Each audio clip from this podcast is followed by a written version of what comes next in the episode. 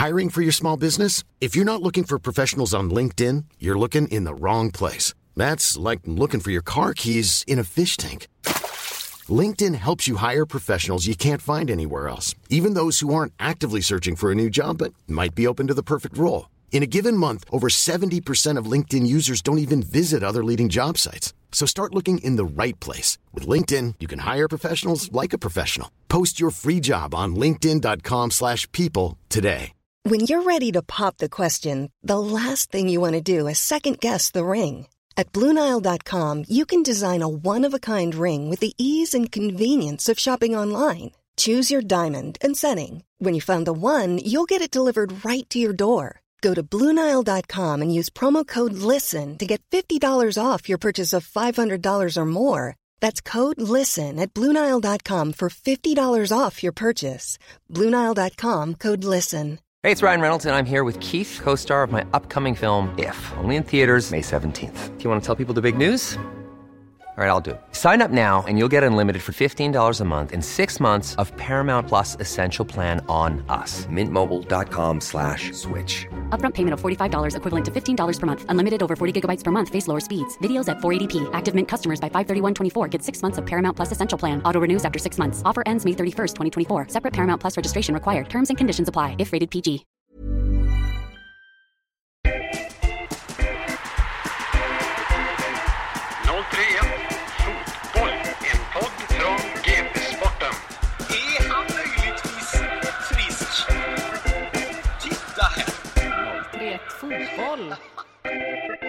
Säger vi varmt välkomna tillbaka till eh, 031 Fotboll som denna veckan har sin första, i varje fall nyblivna SM-guldvinnare. Det har vi inte haft innan. Jag tror att de flesta nästan av våra gäster har varit uppe och nosat på något guld, men veckans gäst vann ett guld för, ska se så jag räknar detta, fem dagar sedan.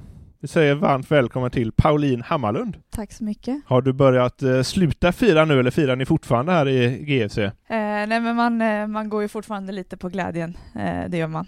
Men sen har vi som sagt en match på söndag kvar, så man får ju skärpa sig lite. Men tänker man verkligen på det en match var man har vunnit guld redan, tänker man inte lite nu firar vi bara så blir det som det blir? Eh, jo, Det det är klart man njuter, men vi, vi vill avsluta på topp också. Eh, det ser ju bättre ut att ha fyra poäng till godo än ett poäng till godo eh, mot Rosengård. Eh, och vi ska lyfta pokalen på söndag och det vill man gärna göra med en vinst. Hur bra firande blir det ett coronaår? Eh, nej men det, det blir ju speciellt, det blir det. Men eh, det blev bra ändå tycker jag. Eh, klubben hade fixat det bra. Det blev en fest på bussen.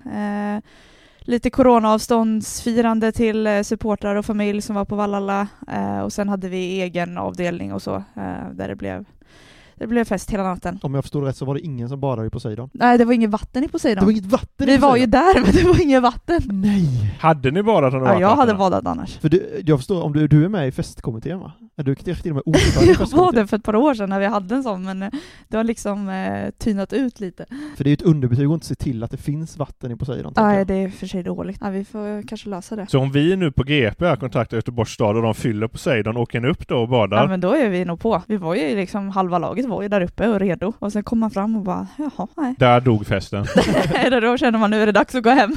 All glädje som kom i guldet bara försvann Ja, på en sekund. Vi brukar också, att våra gäster brukar få göra lite här smygreklam, så nu kan vi nästan göra smygreklam här. Ehm, det finns ju en ordförande i er klubb som har ett bryggeri här. Jag gissar att han bjöd på dryck under guldfirandet, eller? Eh, ja men han passade väl på att se till att det marknadsfördes lite i omklädningsrummet och så ja. Cider i Poseidon. Det hade funkat Det hade också. varit Nu nämnde du inte ens namnet, så det är bra här. Annars hade vi börjat sjunga det finns andra sidor i, i Sverige att ja, köpa. precis. Men hur var det att vinna det här SM-guldet den här säsongen? Var det speciellt eller? Eh, ja men det, det hade nog varit speciellt oavsett men eh, det är klart att det kanske blir en ännu större bedrift med det med det året som har varit och det har inte varit optimala förutsättningar på något sätt. Eh, och vi har gjort en fantastisk säsong och få avsluta det på det sättet vi gjorde i lördags är ju fantastiskt. Varför är ni bäst? Ja, det är många delar i det, men eh, det jag tycker framförallt är väl att vi har en otroligt stark trupp, eh, en bred trupp. Eh, det är väl det som varit lite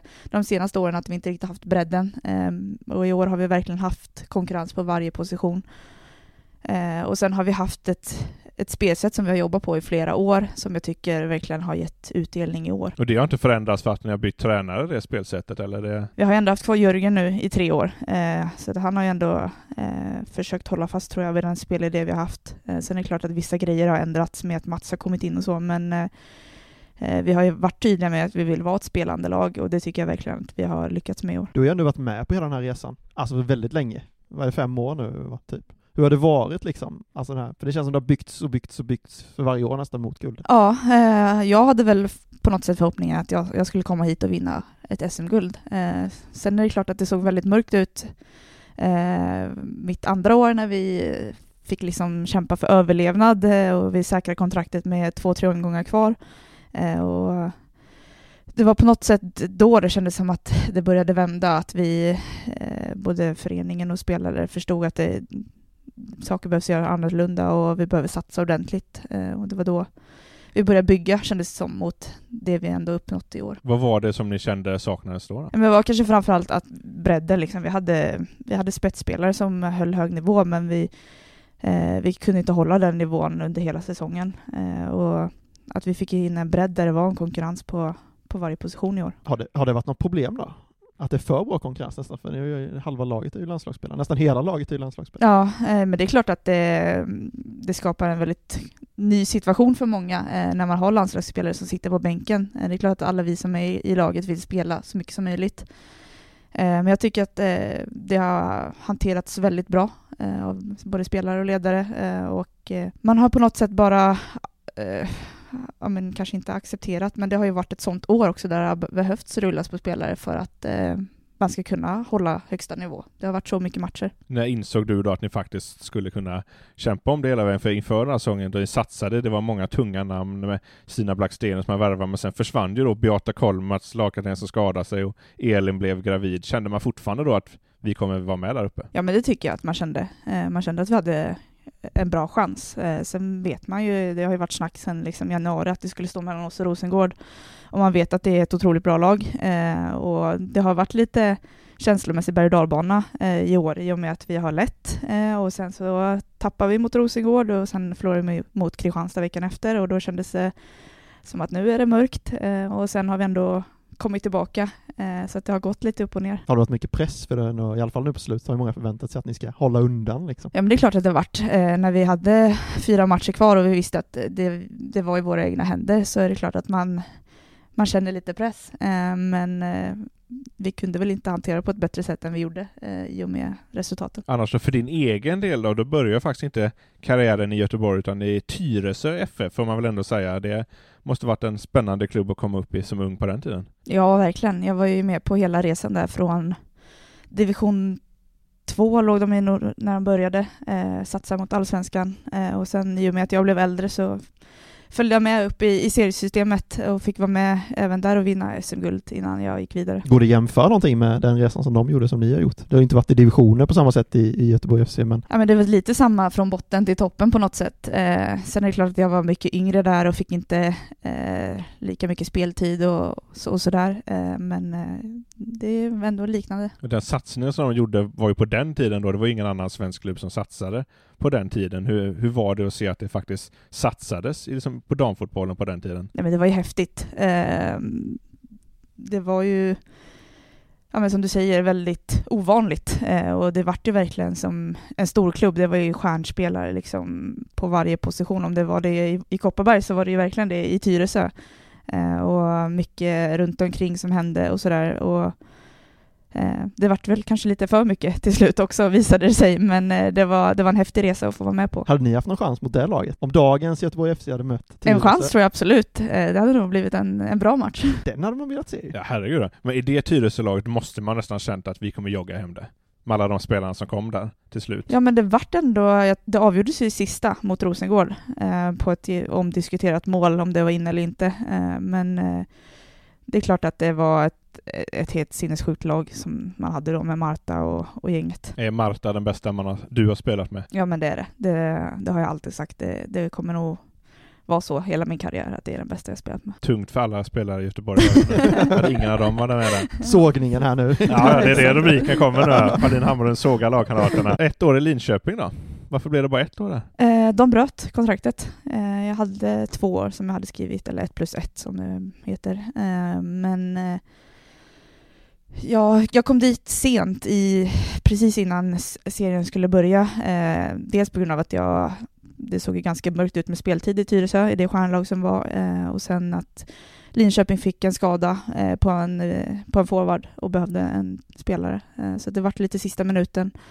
Men eh, jag ser ändå som att jag fick ett år där jag fick mycket speltid, eh, om man jämför med i Tyresö, och utvecklades mycket på det sättet. Eh, men sen så hade klubben andra planer med andra spelare eh, och då fick jag gå. Men jag hamnade i Piteå och med facit i hand så kunde det inte blivit bättre. Jag såg när, du, när ni vann nu, eh, sista matchen här, senaste matchen här, att du sa att det var en liten revansch ändå. Trots att det har gått så många år. Eh, Finns de känslorna kvar liksom? Alltså det är inte så att jag sitter och är bitter över min tid där så, men det är klart att, eh, eh, att det är skönt att visa att man kunde. Men med tanke då var du inte jättegammal när du var i Linköping och fick det beskedet. Det måste ändå varit ganska tufft att få veta att klubben inte väljer att utnyttja den här optionen. Ja men så var det ju. Det var, det var tufft och jag satt där och hade inte jättemycket möjligheter. Eh, man var 18 tror jag och eh, man kom från Tyresö där jag inte ja, men spelade supermycket och sen ett år i Linköping där de valde att bryta. Eh, så att jag satt inte på jättemycket möjligheter eh, och jag är väldigt glad att eh, Piteå ändå såg eh, ja, men potentialen i mig. Hade du en agent på denna tiden? Nej, pappa. Var det, var det så Piteå ringde pappa alltså? Eh, ja, ja, men det var Eller var nog det så. pappa som ringde runt där? nej. Hallå, jag har Pauline här. Ja, precis. Nej, det var nog, eh, det var nog Piteå som hörde av sig. Eh, Det var nog till mig, men pappa fick vara med mycket. Är han fortfarande din agent? Eller har du brä- äh, Parsan borta nu? Nej, nu är han borta. Nej, nej jag, har, jag har en agent, men eh, det är klart att eh, familjen eh, är med mycket. Pappa ja, men kan mycket fotboll och är bra att bolla med. Jag hörde att du brukar prata med honom efter varje match typ och analysera. Och... Ja, men lite så. Han är ju, både han och mamma är ju på nästan alla matcher. De åker runt i hela Sverige och kollar och är här nere och sådär. Så att de har haft ett tufft år nu det har varit eh, få biljetter och kriga om. Eh, Men eh, nej, de är verkligen mina största supportrar. Åkte de även upp till Piteå när ni spelade hemmamatch? Ja, de var där, ja men inte varje match, men nästan. Det är rätt imponerande faktiskt. Ja, det ska de ha. Vad har det betytt genom åren? Nej men allt. Jag vet när jag spelade i, i Tyresö och fortfarande gick i gymnasiet så satt pappa och körde det var ju förmiddagsträningar så han satt och körde innan jag hade tagit körkort. Eh, körde på förmiddagarna fram och tillbaka mellan skola och träning och offrade väl lite sitt eget jobb eh, för, att, för att jag skulle kunna spela. Låter som att du inte hade suttit här idag utan dem helt enkelt. Nej men så är det garanterat. Hur var det annars att flytta upp till Piteå då? För det är ju, det är ju inte Göteborg eller Linköping eller? Nej, det, det var en omställning, eh, men jag tror att det var väldigt bra för mig eh, där jag var. Jag var ändå fortfarande hyfsat ung och jag kom till ett lag där det var vi hade väldigt, väldigt bra sammanhållning eh, och det är kanske lite lättare att ha det i en sån stad. Vi var sju stycken som bodde på samma gata i princip. Eh, så att man hade aldrig långt till eh, polarna eh, och eh, trivdes jättebra i klubben. Jag fick ett jobb vid sidan av jag trivdes bra med och ja, men en sån period liksom där, där verkligen eh, allt stämde. Och du jobbade på en kemikaliefabrik Ja, jajamän. Vad gjorde du där? Eh, Jag jobbade som innesäljare, så tog emot eh, ordrar och la in dem i systemet och bokade frakter. Och... Trivdes? Ja men det gjorde jag. Eh, Det var väl kanske inte världens mest spännande jobb så, men jag hade en jättebra arbetsplats och goda kollegor. Så du har sålt kemikalier där. Jajamän. Det var fråga om du vill veta något om svavelsyra eller liknande. Hade jag lyssnat på NO eller naturkunskap i skolan hade jag kunnat ställa någon fråga här, men jag var inte så bra där så jag, jag har ingen fråga att ställa tyvärr om det. Vad har du för andra roliga jobb då vid sidan av? Eller är det den? Eh, vad har jag mer gjort? Jag har jobbat eh, på ett beachvolleycenter här i Göteborg. Lite roligare. Ja, det var lite mer spännande. Där var jag ja, men, servitris, jobbade i receptionen, eh, jobbat på gym, eh, jag har jobbat på bank. Ja, jag har testat det mesta. Gym har du ju många frågor om. Ja, gym där. Där- där kan du. Där, Det är ditt Där är område. jag stark faktiskt. Jag kan hänga ut mig själv att jag har en sambo som har köpt 60 PT-lektioner till mig. För jag ska komma i form inför ett bröllop som kanske stundar någon dag. För att det gick inte att gifta sig med mig innan jag Hur tränade. många av dem har du använt? Jag har gått 47. Oj, ja men det är ändå imponerande. Så om 13 pass kanske jag kan gifta mig, eller så kommer det 60 Det kommer nya. 69. Men nu har du inget jobb vid sidan av vad jag vet i vart fall. Nej, nu pluggar jag. Mm. Vad pluggar du då? Eh, event manager heter det. Via eh, en skola i Stockholm. Men på distans. Så du kommer bli festfixare, är det det man blir? Exakt, det är det jag ska bli. Är det det alltså? Nej, Nej, men drömmen är väl att jobba på något sätt inom fotbollen med eh, arrangemang och event. Är det liksom planerat för framtiden? Är det därför du pluggar nu eller är det för att ha något att göra? Att säga? Men lite både och. Eh, jag börjar ju ändå bli lite äldre och eh, som eh, damfotbollsspelare så har man ju inte den möjligheten riktigt att tjäna pengar som man kan leva på sen.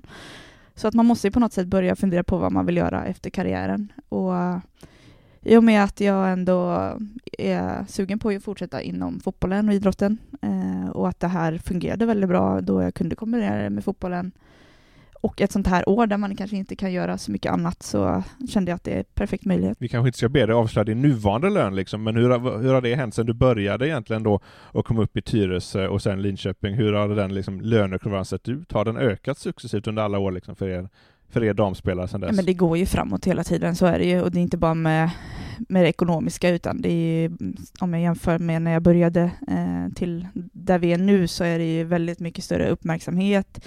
Det är mycket mer lättillgängligt med att kolla matcherna och läsa om matcherna och, och så. Sen är det kanske inte där man vill att det ska vara än, men eh, det har ju hänt extremt mycket sedan jag började. Hur ser det ut i laget nu då? Är det några som jobbar vid sidan av eller alla? Eh, några få, men eh, vi tränar ju förmiddagar, eh, så att det kräver ju nästan att, eh, att alla är heltidsproffs. Eh, det är några yngre som har eh, ja, men något extra jobb, men annars är alla proffs. Innebär det då att man ak- faktiskt kan leva på att vara fotbollsspelare i Göteborg FC idag? Ja, men det, så är det ju. Eh, vi har ju förmånen att, eh, att de flesta av oss kan leva på det och det är ju en stor fördel. Eh, jag tror att det är vi och Rosengård som tränar eh, på förmiddagar i damallsvenskan eh, och det är klart att det ger helt andra förutsättningar. Hur var det när man var liten då och inte såg den framtiden vara möjlig liksom? Om du förstår vad jag menar? För när Ja, man var det liten är och ju skulle att fotboll. jämföra, så, nej såklart, men om du förstår, men- alltså, när man är liten som, som kille så dröm, vet man ju hur det kan bli liksom när man eventuellt lyckas. Men som tjej då på den tiden så på något sätt så kanske man inte,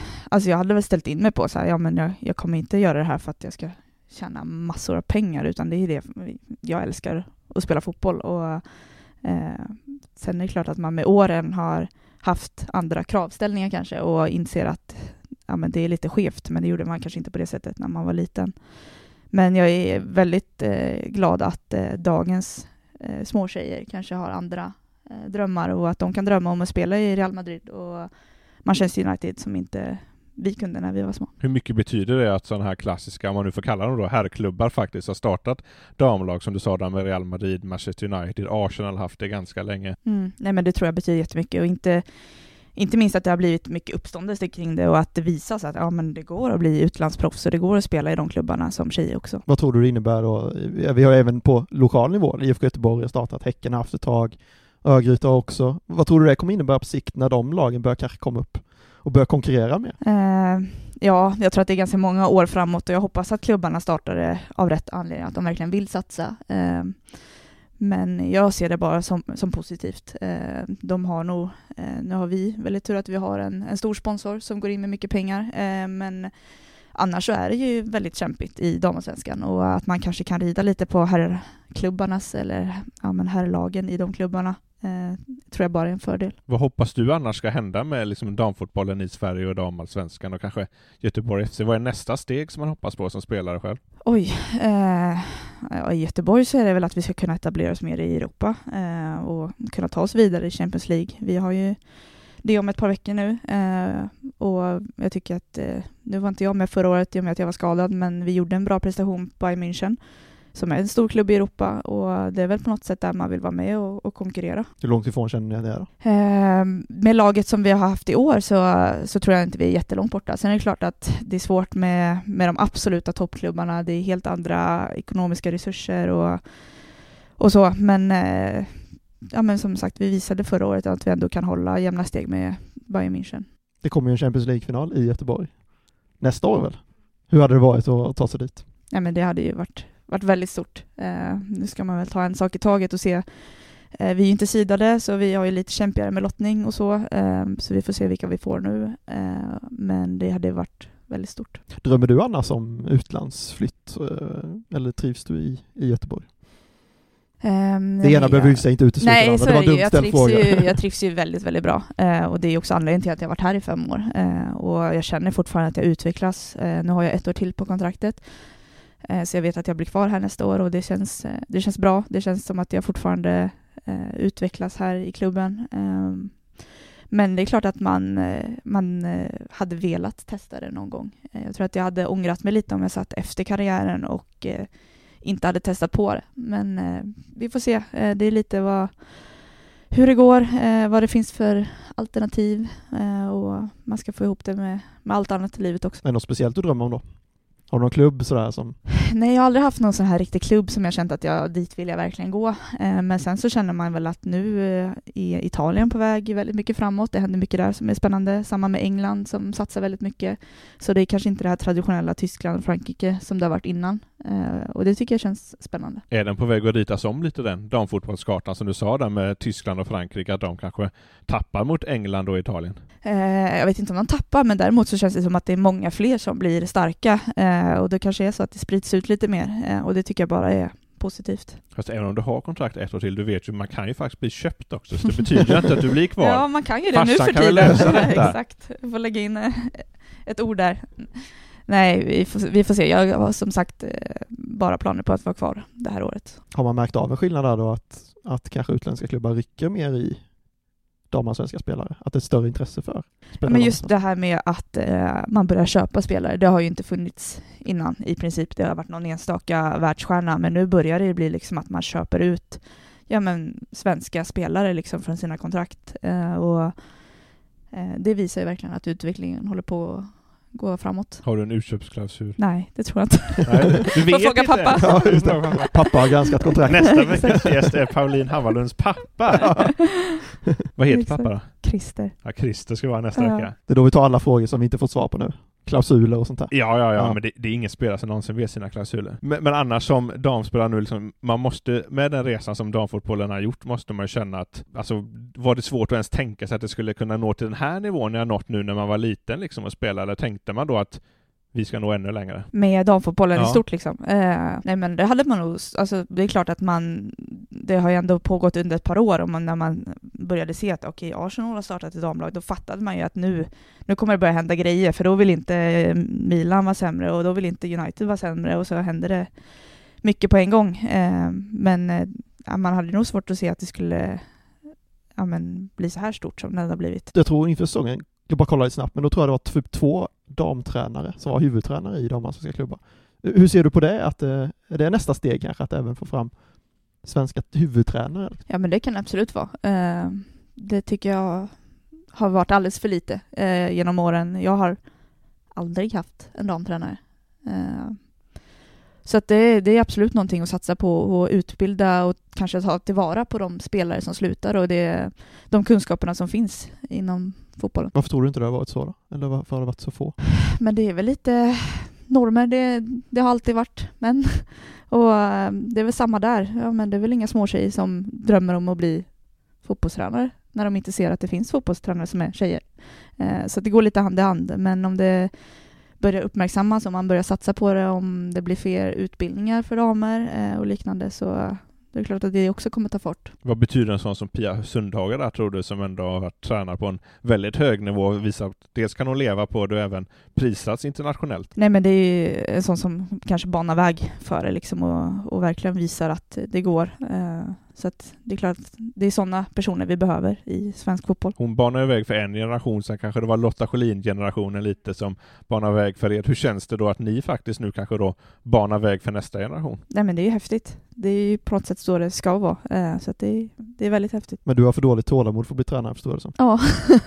Du hade tänkt jag kan göra det här bättre själv. Nej, det är väl mer att man känner att man hade velat vara med och påverka ännu mer än vad man kanske kan som tränare. Eh, Och, och så. Men eh, jag hoppas kunna bidra på andra sätt inom fotbollen. Spelande tränare kan man vara. Ja, det hade varit något. Men annars efter din tid i Piteå när du kom till Göteborg, du kom väl hit för att ersätta Manon Melis va? Ja, lite så. Hon gick ju när jag, när jag kom. Var det en press? Eh, nej, det var inget jag reflekterade jättemycket över. Det var ganska många av de stjärnspelarna som lämnade samtidigt där. Eh, och jag vet att klubben hade eh, gick ut med att de skulle ändra filosofi lite från att eh, köpa in utländska spelare till att satsa ungt och svenskt. Eh, och, ja, då var jag väl en del i det. Eh, och det var ett par andra som kom i samma, samma tid, Jennifer Falk, Filippa Kurmark, eh, sådana som också varit med på hela resan och nu växt in i att vara de här stjärnspelarna idag. Du har haft många, eller tre tränare är det väl du har haft under din tid i Kopparberg. Vem har betytt mest för din utveckling? Oj, de har varit så olika eh, så att det, det är jättesvårt att säga. Eh, och de har verkligen haft olika synsätt på, på fotboll och vi har spelat på olika sätt. Eh, men eh, jag känner väl att jag, om jag ser på de åren som jag haft så är det väl kanske i år som jag verkligen har fått det eh, att stämma. Eh, men sen har jag också haft mina problem med skador och varit borta större delen av de två senaste åren. Eh, men eh, i år känner jag att jag har fått en hel säsong och var skadefri och jobba på eh, och har ja, men haft en bra form hela säsongen. Du ryktades till Rosengård va, innan du gick till Göteborg? Alltså. Ja, det. Det är det vi ska fråga Men mer än vad, exakt, mer än vad jag vet om. Ja, det var aldrig nära att gå dit. Christer här nu och fråga? Ja, just det, det vet pappa ja. exakt. ja det var aldrig nära Nej, inte vad jag... fake news kanske? Ja, det måste vara det. Ja. Inte vad jag vet i alla fall. Du hade inget papper framför dig som det stod Rosengård på? Nej, det hade jag inte. Var det bara Göteborg? Eller vet du någon annan som hör av sig och vill ha dig? Eller var det bara Göteborg som Eh, såg Jag något? vet att jag, började prata med Göteborg ganska tidigt eh, och jag hade väl en, eh, en ganska ja, men, tydlig bild av att jag ville spela i Göteborg. Jag tyckte att det var en väldigt spännande klubb. Jag gillade den här nysatsningen de skulle göra. Det är en väldigt fin stad. Och sådär. Så att jag, jag hade väl siktet inställt ganska mycket på Göteborg. Sen vet jag att det fanns intresse från klubbar utomlands, men jag tror aldrig vi ens eh, liksom gick ner i några konkreta ja, men, kontrakt. Så. Hade du varit redo då tror du om utlands hade blivit konkret i intresset? Eller kände du att du ändå skulle vara kvar i Sverige ett tag? Jag kände att jag, att jag ville vara kvar i Sverige ett tag. Ehm, jag hade ju egentligen bara haft Eh, ett år liksom där, där jag fick mitt genombrott. Andra året i Piteå, eh, där jag verkligen fick eh, förtroende och speltid och kände liksom att jag eh, ja, men höll en bra nivå och jag kände väl att jag behöver ett par år till i damallsvenskan där jag håller den nivån liksom innan jag ville testa utomlands. Apropå tränare du har haft så måste jag ställa den här frågan. Du gissar att du kanske inte vill svara på den, men inför den här säsongen så hade ni ju faktiskt en tränare som bara några dagar innan er premiär gick ut och faktiskt sökte jobb på LinkedIn i en annan klubb. Hur påverkade det er spelare? Ehm, nej men det är väl klart att det inte är någon optimal situation så inför en, en premiär. Ehm, men eh, jag tyckte att vi, vi hanterade det bra som grupp. Eh, vi fick veta det och vi tog upp det och sen kändes det som att eh, det är bara att acceptera att det är som det är. Eh, och vi hade en premiär en eller två dagar senare och ja, på något sätt så var det bara putta det åt sidan och, och fokusera på premiären och efter det så har det egentligen aldrig kommit upp igen. Det var inget så ni snackade med Mats om, eller var det bara att ni spelare snackade om det, eller? Nej, det var inget som vi, som vi pratade med honom om så. Eh, han eh, bad ju om ursäkt eh, och klart att han inte var nöjd över det heller eh, och det är ju olyckligt men eh, det var på något sätt så här, det, är- det är som det och man vet hur fotbollen fungerar. Eh, alla måste se om sitt så att det är väl eh, sättet det hände på som inte var helt optimalt men det, vi, löste det som lag och det visar väl också vilken styrka vi har. Har du LinkedIn? Ja, jag har ju det. Ja, så du, ja då vet vi det. Det är nu vi måste gå in och Får kolla. hålla koll här vad du har gjort på din LinkedIn. Exakt. Jag skaffade typ för två veckor sedan. Du ser, det är Christer som är bakom ja, här. exakt. Skaffa en LinkedIn här nu så Nej, Det är där jobben finns. looking for job. Exakt, nej, det var faktiskt skolan som sa åt oss att eh, det är dags att, att skaffa om man inte har. Så då får man börja se efter karriären efteråt. Så om någon har något jobbförslag så Ja, ja, ja. Event, eh, vi behöver mer event på GP här. Vi har alldeles för lite event. alldeles för liten fest. Nästa år då när pandemin kanske är över kan du få anordna lite fester för oss då. Nej, men jag är redo. GP-sporten Vi har, vi har en bra budget tror jag. Ja, det kan vi nog ha Ja. Du ser ju hur fint vi sitter Ja, här. exakt. Annars så måste man ju fråga med dig nu när du faktiskt efter många, många skador och som du varit inne på där, nästan två år som försvann, tagit sig tillbaka till den här nivån och landslaget. Det måste ju några gånger under den här skadeperioden känt att dit når jag kanske inte igen eller? Ja, Det är väl klart att när, det, när man var som djupast ner i det så, så kände man väl liksom, kommer det här någonsin bli bra igen? Eh, och jag har fått frågan om jag funderar på att sluta och, och så långt gick det väl aldrig men jag hade väl börjat ställa in mig på att jag kommer behöva spela med smärta liksom resten av min karriär. Eh, och det är klart att med de smärtorna jag hade så hade jag inte kunnat prestera i närheten av liksom där jag är nu. Men eh, det vände ju och vi fick ordning på det och eh, det här är väl på något sätt utdelningen för slitet man la ner. När var det som allra mörkast? Det är klart, jag hade ju två skador eh, och de var ju jobbiga på sitt sätt. Den första var ju väldigt, eh, det var ju att jag opererade båda knäna för, eh, för hopparknä. Eh, och det var ju långdraget, så det var väl det som var jobbigast med det, att det liksom aldrig tog slut. Det skulle vara fyra månaders rehab och det tog elva månader till slut. Eh, och det är klart att det var mentalt jobbigt att hela tiden eh, ja, men behöva ställa om. Aha, nu har det gått sju månader, nu har det gått åtta månader, varför händer ingenting? Eh, så den var ju väldigt tuff på det sättet. Eh, men eh, sen var det ju tufft med nya skadan i och med att eh, det hände så tätt eh, och att jag kände väl att jag hade precis liksom fått ta mig tillbaka till, till en bra nivå och bra form och jag hade belönats med en landslagsplats eh, och så hände det här liksom eh, ja, men samma dag i princip. Och det vart ju såklart tungt på det sättet, men sen var ju den rehaben väldigt mycket kortare och gick väldigt mycket bättre. Så att det var ju skönt. Just hopparknä är väl väldigt problematiskt, har man förstått på de som har det liksom. Och att det kanske kan komma tillbaka också va? Är du rädd att det... Ja men det är klart, att jag, nu skulle jag väl säga att det är bra, men det tog väldigt, väldigt lång tid. Jag spelade ju fortfarande med liksom men från det i princip, ja men hela förra året också. Eh, och jag behöver göra rehab fortfarande för det och ehm, ja men behöver hela tiden ha det i bakhuvudet att det finns där. Ehm, men jag har fått väldigt bra hjälp och hittat bra personer eh, som kan väldigt mycket och hjälper mig liksom varje vecka nu för att vi ska hålla det bra. När du säger att du spelar med mer, är det att man får anpassa träning och anpassa belastning och sådär du pratar om då, eller hur? Eh, men det kan vara, vara lite smart med när det till exempel är sämre underlag, ehm, om man kanske börjar känna av det. Eh, sen har jag hittat ja, men, bra styrkeövningar som hjälper. Eh, jag går till en massör varje vecka som också har hjälpt jättemycket. Eh, så det är sådana grejer. Kommer du behöva rehabba det hela karriären ut eller är det förhoppningsvis något som du inte behöver rehabba om ett tag? Nej, jag tror att eh, nu är det inget jättetung rehab jag gör så, utan det är mer att jag bara underhåller det. Så att det är inte så att jag tycker att det är jobbigt det jag gör just nu, men det, det tror jag att jag kommer behöva göra ja, men i princip hela mitt liv. Vi alla har ju någon gång testat på att göra rehab och det är det absolut tråkigaste som finns i hela världen. Ja. Hur hittar du motivation till att göra detta under alla dessa månader och veckor och timmar att faktiskt göra den här rehaben? Jag själv kan bara inse, jag, jag hade gett upp tidigt. Ja, men på något sätt så är ju, alltså målbilden man hade var ju det som skedde i lördags, liksom, när man står där med guldhjälm och liksom har fått eh, spela hem ett SM-guld till Göteborg som jag varit i i fem år. Alltså det var, ju, det var ju bara det man såg framför sig för att orka.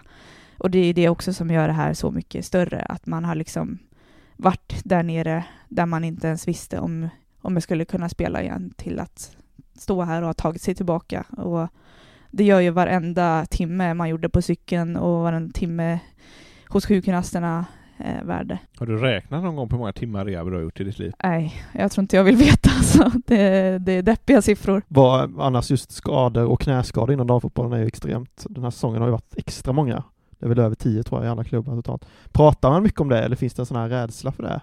Kanske främst inom damfotbollen att knän ska förstöras? Nej, alltså det är, alla vet om det, men samtidigt så eh, man vill helst inte prata om det heller för att det är så många i varje lag som har haft ja, problem och haft långtidsskador och varit borta liksom år för sina knän.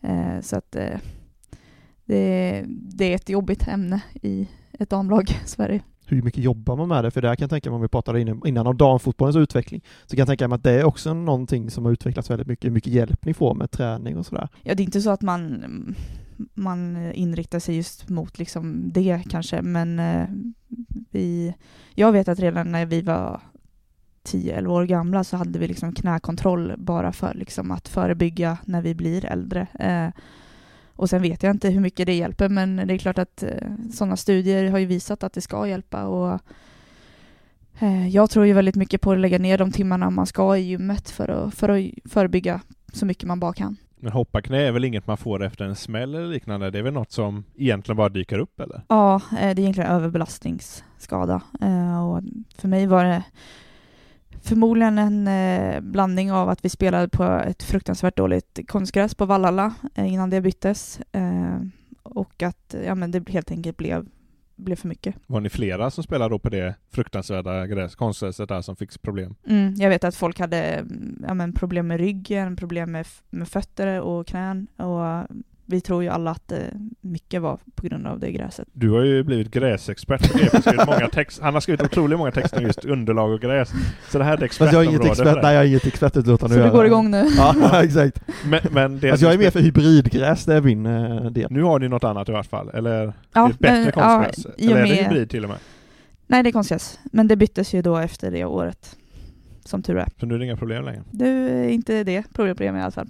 Sen är det klart att det finns andra som har eh, diskutabla konstgräs, men eh, nu har vi det bra i alla fall. Har det ändrats också då med underlag sådär för i ni i damallsvenskan att fler klubbar kanske har bättre underlag eller åker man fortfarande runt till flera ställen och det är under all kritik liksom att spela på? Nej, men nu tycker jag det generellt är ganska bra. Sen finns det fortfarande arenor som man undrar hur de har fått godkänt. Eh, vi har Umeå som har en bedrövlig konstgräsplan. Eh, en fin arena, men bedrövligt konstgräs. Eh, vi spelade i Växjö.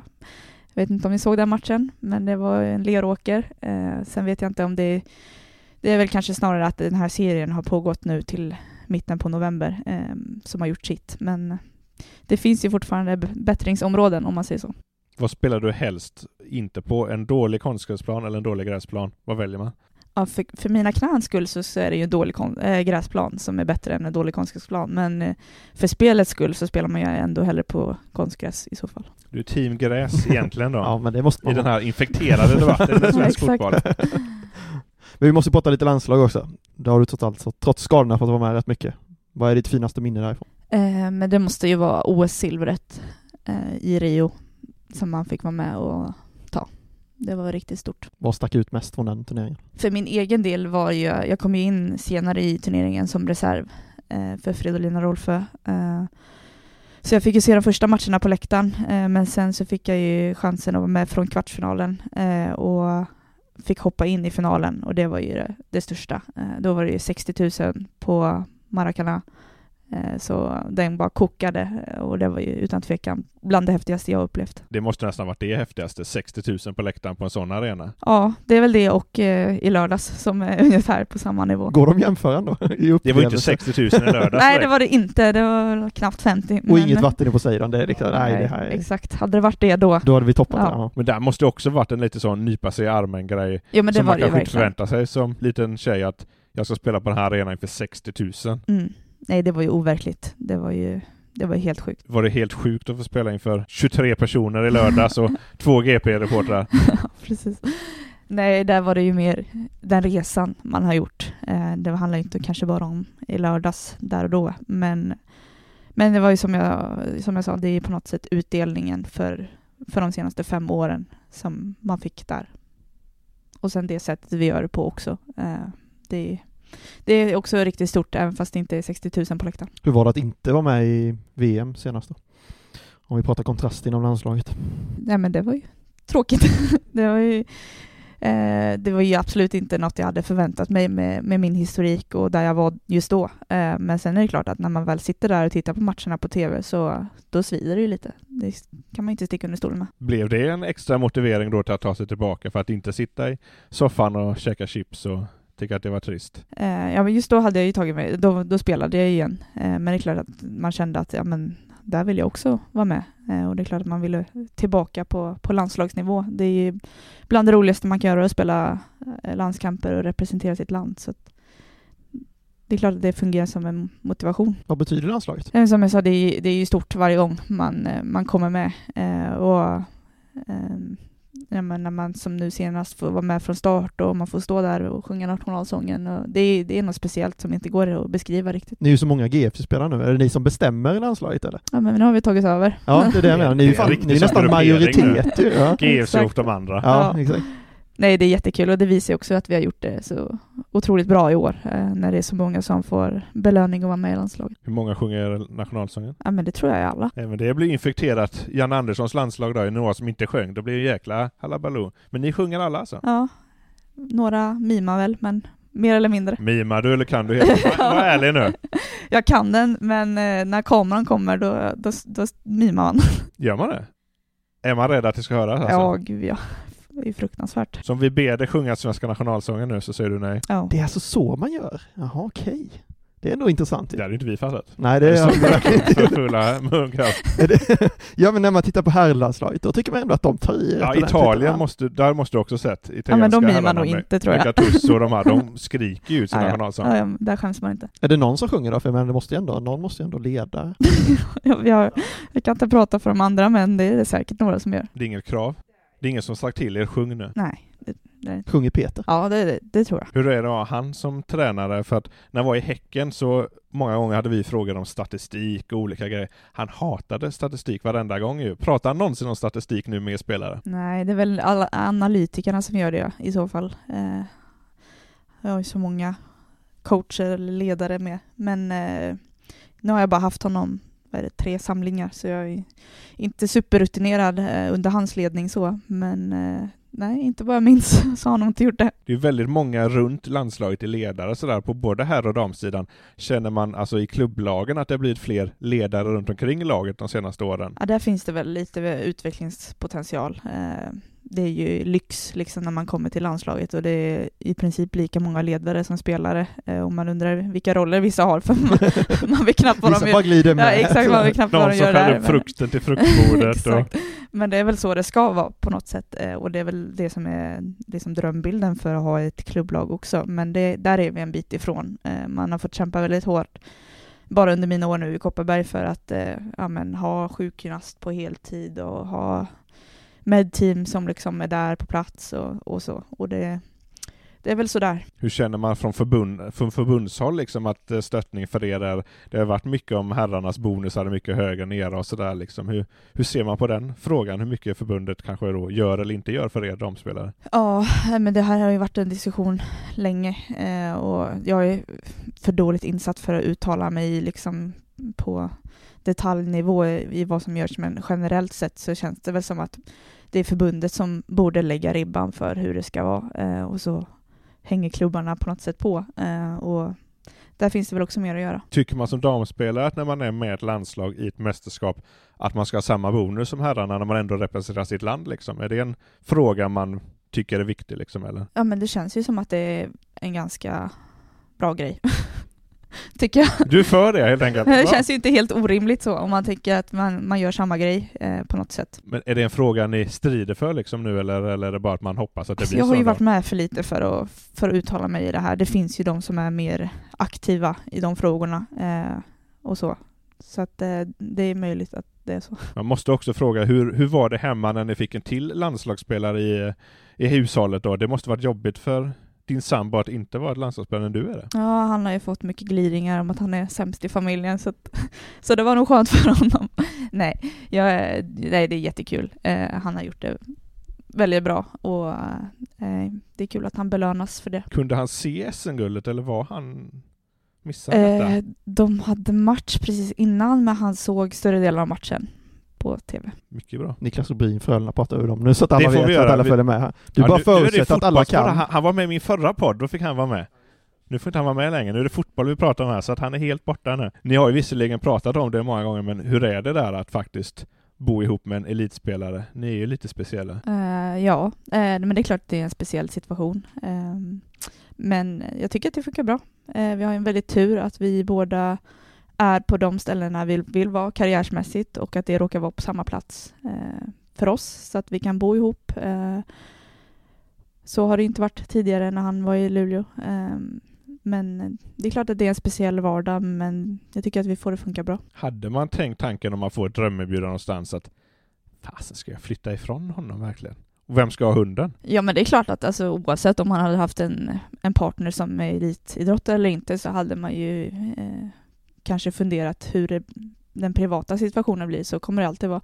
Eh, men vi har ju sagt nu att eh, de åren vi idrottar är ju ändå ganska få sett till de åren man förhoppningsvis har. Eh, och då ska vi sätta våra karriärer först och göra det vi verkligen vill. Och just nu är det att vara här för båda oss två. Eh, och då får man njuta så länge det varar. Sen får vi se vart det blir de nästa åren. Är du nervös nu? För han sitter på utgående kontrakt, att han ska flytta. Ja, men, alltså man vet ju hur både hockeyn och fotbollen funkar och det kan ju gå fort. Så att som sagt, man bara njuter nu så länge, så länge vi är på samma ställe eh, och vi båda är nöjda där vi är. Eh, men det kan ju gå fort. i både hockey och fotboll. Du har ju spelat hockey som liten. Ja. Med killar då. Hur bra är du på hockey nu? är ni ute och tränar tillsammans?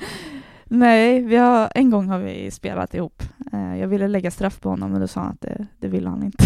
Han hade ju Det var varit... Det hade varit för jobbigt om Han du hade gjort mål alltså. klarat det om du hade gjort mål. Nej, det är det. Ehm, men eh, nej, jag, jag vill inte, det är klart att jag kan åka skridskor och så fortfarande, men eh, jag har inte hållit igång på, ja vad är det, 11 år. Så att man är nog avdankad nu. Du hade inte klivit in direkt i Göteborg HC och lirat i första femman Nej, jag tror inte det.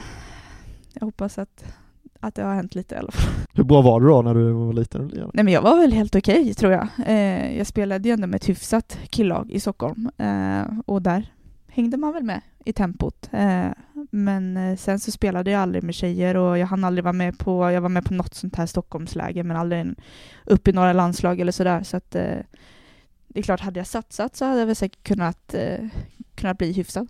Du slutade väl efter en bruten arm och en hjärnskakning när de du spelade med växte ett antal kilon och centimeter? Ja men det hände ju mycket där i 14-15 års åldern eh, och det märkte man ju av fysiskt så att det var väl inte helt optimalt på slutet där eh, och då kände jag att ska jag fortsätta med hockey så kanske det ska vara i ett tjejlag. Eh, Och det lockade ju inte lika mycket så då var det ju fotbollen som jag satsade på. Det har du inte behövt ångra än så länge. Nej, det känns som ett bra val. Hur bra är Niklas Rubin på fotboll? Men han vill ju gärna påstå att han är duktig. Han pratar ju mycket om sin här ringen de har innan matcherna som uppvärmning. När han kommer hem, då är det nästan de han pratar mer om än sin hockeymatch.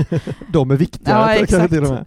Men nej, jag tror att han är rätt. Vi har inte spelat så mycket ihop, men han, är, han var nog hyfsad där med. Frölunda brukar ju vara uppe och möta IFK Göteborg ibland eh, med lite mixad lag. Det finns ju lite talang kanske på sidan. Några ja. Jag får erkänna som gammal hockeyreporter att jag har ju sett den här ringen och lite för att hänga ut honom nu, han är inte en av de bästa i det, Det laget så. på ringen, det får jag faktiskt Så erkänna. nu kommer sanningen fram här. Ja, men det, det är skönt att höra. Jag lovar nästa gång vi är på en match och vi ser ringen, då ska vi filma den. Jag zoomar in honom hela tiden så att jag får se. Vi är fortfarande inte tillräckligt bra budget för att köpa en jingle här, men nu är vi poddens enda koncept som vi har här faktiskt, lite tema här. Linus tuffa frågor. Oh. Så nu kan du bli nervös här faktiskt, för Ja, att eh, Linus har förberett sig i timmar. Ja, Det är det här är ju det, här är det jag vill lägga mina veckor på. Ja. Och liksom verkligen grotta ner mig i gästerna. Det och texter om gräs. Det och texter om gräs. För att liksom hitta riktigt, ja, de tuffa ämnena liksom. Eh, det blir mattema den här eh, veckan. Aj då. Ja, det är inte så farligt. jag, jag, om jag har förstått Säg rätt så... eh, jag- jag måste, hon börjar bli rädd här nu. Att du lagar helst taco. Har jag sagt det? Ja, tacos. Ja, det, det har du sagt, så det får du stå fast vid. Ja. Och att du har i, eh, kan ha i allt utom banan och Lagar ananas. man tacos är ju frågan då. Eller skär man upp tacos? Köttfärsen lagar du väl? Ja, det är väl det i den, så fall. kött, den hoppas du tillagar. Ja, jo men det gör Ja. jag ju. Har i kryddan där som är klar. Och så e- en deciliter vatten där som står på. Ska man, ska man ha det? Det står ju på den eh, Tex-Mex-lådan där. Men då En blir den ju vatten. svag. Det ska ju vara lite hetta i det. Okej, jag tror vi får avsluta det här, segmentet, Det för, för, för det fallerar här. Ja, Okej, du får stå fast vid att du gillar att laga, Ja, laga tacos. vi, Bra. vi kör på det. Och du har sagt att du har, kan ha i allt förutom banan och ananas. Ja. Ja, så då har jag, nu har jag googlat fram här då. Här är svenskarnas udda tillbehör till taco. Nej. så att eh, nu ska jag läsa upp några där udda tillbehör och så eh, eftersom du kan tänka dig i allt då så, så antar att det blir ja på allt. Men du får svara ja eller nej på om du skulle kunna tänka dig ha detta i Ja. din tacos. Och vi börjar då med mandarinklyftor på burk. ja, men det är gött. Det hade du kunnat tänka dig? Ja. Ja, Men man kan ju prova. ja okej. Vi går vidare. Kokt ägg och oliver. Nej. Nej, det, det Inte hade jag inte prova. provat, nej. Nej, nej okej. Lingonsylt. Ja, prova kanske. Prova kanske? Ja. Ja. Mm. Vad har vi mer? Krossade ostbågar. ja, men det lät ju gött eller? Jag är helt tid där. ja. Om man inte har osten hemma, man har glömt Ja. den och så istället för att riva en ost, det orkar man aldrig göra, så krossade ostbågar slänger i. Det tror jag hade varit Men Det fantastiskt. hade du var tagit ja till. Ja, jag hade kört det. Det var Okej. ju ett genidrag. Jaha, okej. Ja. Det blir det imorgon. Vi är team ostbågar. Ja, ja, jag märker att ni börjar teama ihop här nu. Ja. Eh, potatismos. Ja, men det är inte heller helt orimligt. Är det inte det? Men om man har match dagen efter och behöver lite mer kolhydrater. Ja, du tänker så ja. Du tänker att man, grunden är alltid tacos och så Ja. beror det på lite om man det är innan match, snabba kolhydrater Precis. kanske, efter match lite mer. Mm. Ja, okej. Eh, ja, vi går vidare på listan. Räksallad. Nej, Nej. Man bor i Göteborg, men nej. Du tror jag, Fredrik, Jag du hade provat. Ja, 100 procent. ja, du är Ja. lite värre då ja. Mm. Ehm, snabbmakaroner, Ja, men det är samma där. Det funkar ju får man ju lite kolhydrater och... det Ja, funkar det är också. väldigt lite kolhydrater kanske, men... Eh, och en sista, riven choklad. Ja. Varför inte? Ja. Då landar vi jag egentligen tror ju bara mer på på, ostbågarna, men... på nej och på nej på lingonsylt. Nej, det såg jag Lingonsylt på. får ju testa. Mm. Vad sa du nej till? Kokt ägg och oliver ja. var nej. Ja, det hade ju alla sagt Ja. nej till, men gärna. Just det, vi har en till här förresten. Ahlgrens bilar. Det är gött. Det hade funkat. Äter man sånt som elitidrottare? I tacos. Ahlgrens bilar, alltså. Ja, det var det jag hade. Det var allt. Ja, det var allt. Man måste nu fråga, för när Linus berättade att det skulle bli lite mattema på veckans tuffa frågor så sa du åh nej. så det känns som att mat inte är din starkaste sida. Jag tycker inte det är svinkul att laga mat. Tycker någon där hemma att det är svinkul att laga mat eller vad äter ni egentligen? Nej men vi, vi lagar ju mat. Men Tacos. I, nö- ja men exakt. Mer nödvändig on- Nej, Niklas är faktiskt ganska duktig på, på att laga mat. Eh, jag tror inte han tycker det är jättekul heller. Men eh, nej, det är väl inte ett jättestort intresse. Annars känns det inte som att man behöver laga mat som elitidrottare, för ni får ju luncher, ni i vart fall med tanke på vem som sponsrar er och de äter ju på sin anläggning så att man behöver väl aldrig äta annat än typ Ahlgrens bilar på kvällen och ostbågar. Nej men vi båda är ju bortskämda med att vi får lunch. Eh, så det blir middagar man gör ihop och då kan man ju ofta göra något storkok och sådär. Så man klarar det. Storkok, nu måste vi fortsätta pressa det här. Vad gör ni för Ja, storkok? det är tacos för hela Ja, veckan. det är det. Det är så två kilo köttfärs liksom. Ja, Ja, hackat 17 paprikor och Ja, gurkor och så ligger det och bara väntar där. Nej, vi kan, vi kan ju göra annat än tacos. Eh, mycket köttfärssås, korv stroganoff, men de här klassikerna. De går runt.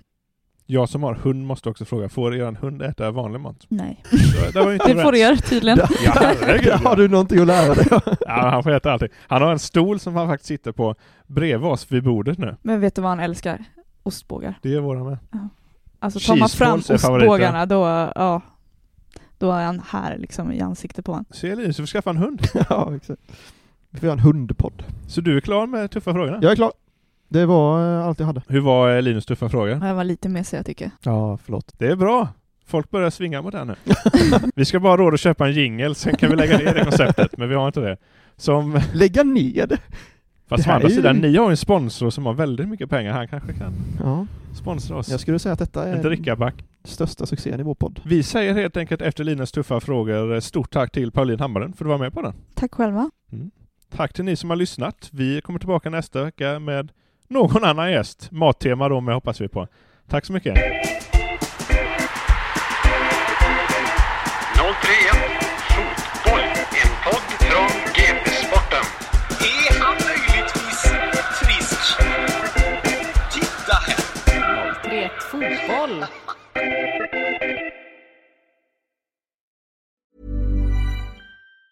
Planning for your next trip? Elevate your travel style with Quince. Quince has all the jet setting essentials you'll want for your next getaway, like European linen, premium luggage options, buttery soft Italian leather bags, and so much more. And it's all priced at 50 to 80% less than similar brands. Plus, Quince only works with factories that use safe and ethical manufacturing practices. Pack your bags with high-quality essentials you'll be wearing for vacations to come with Quince. Go to quince.com slash trip for free shipping and 365-day returns.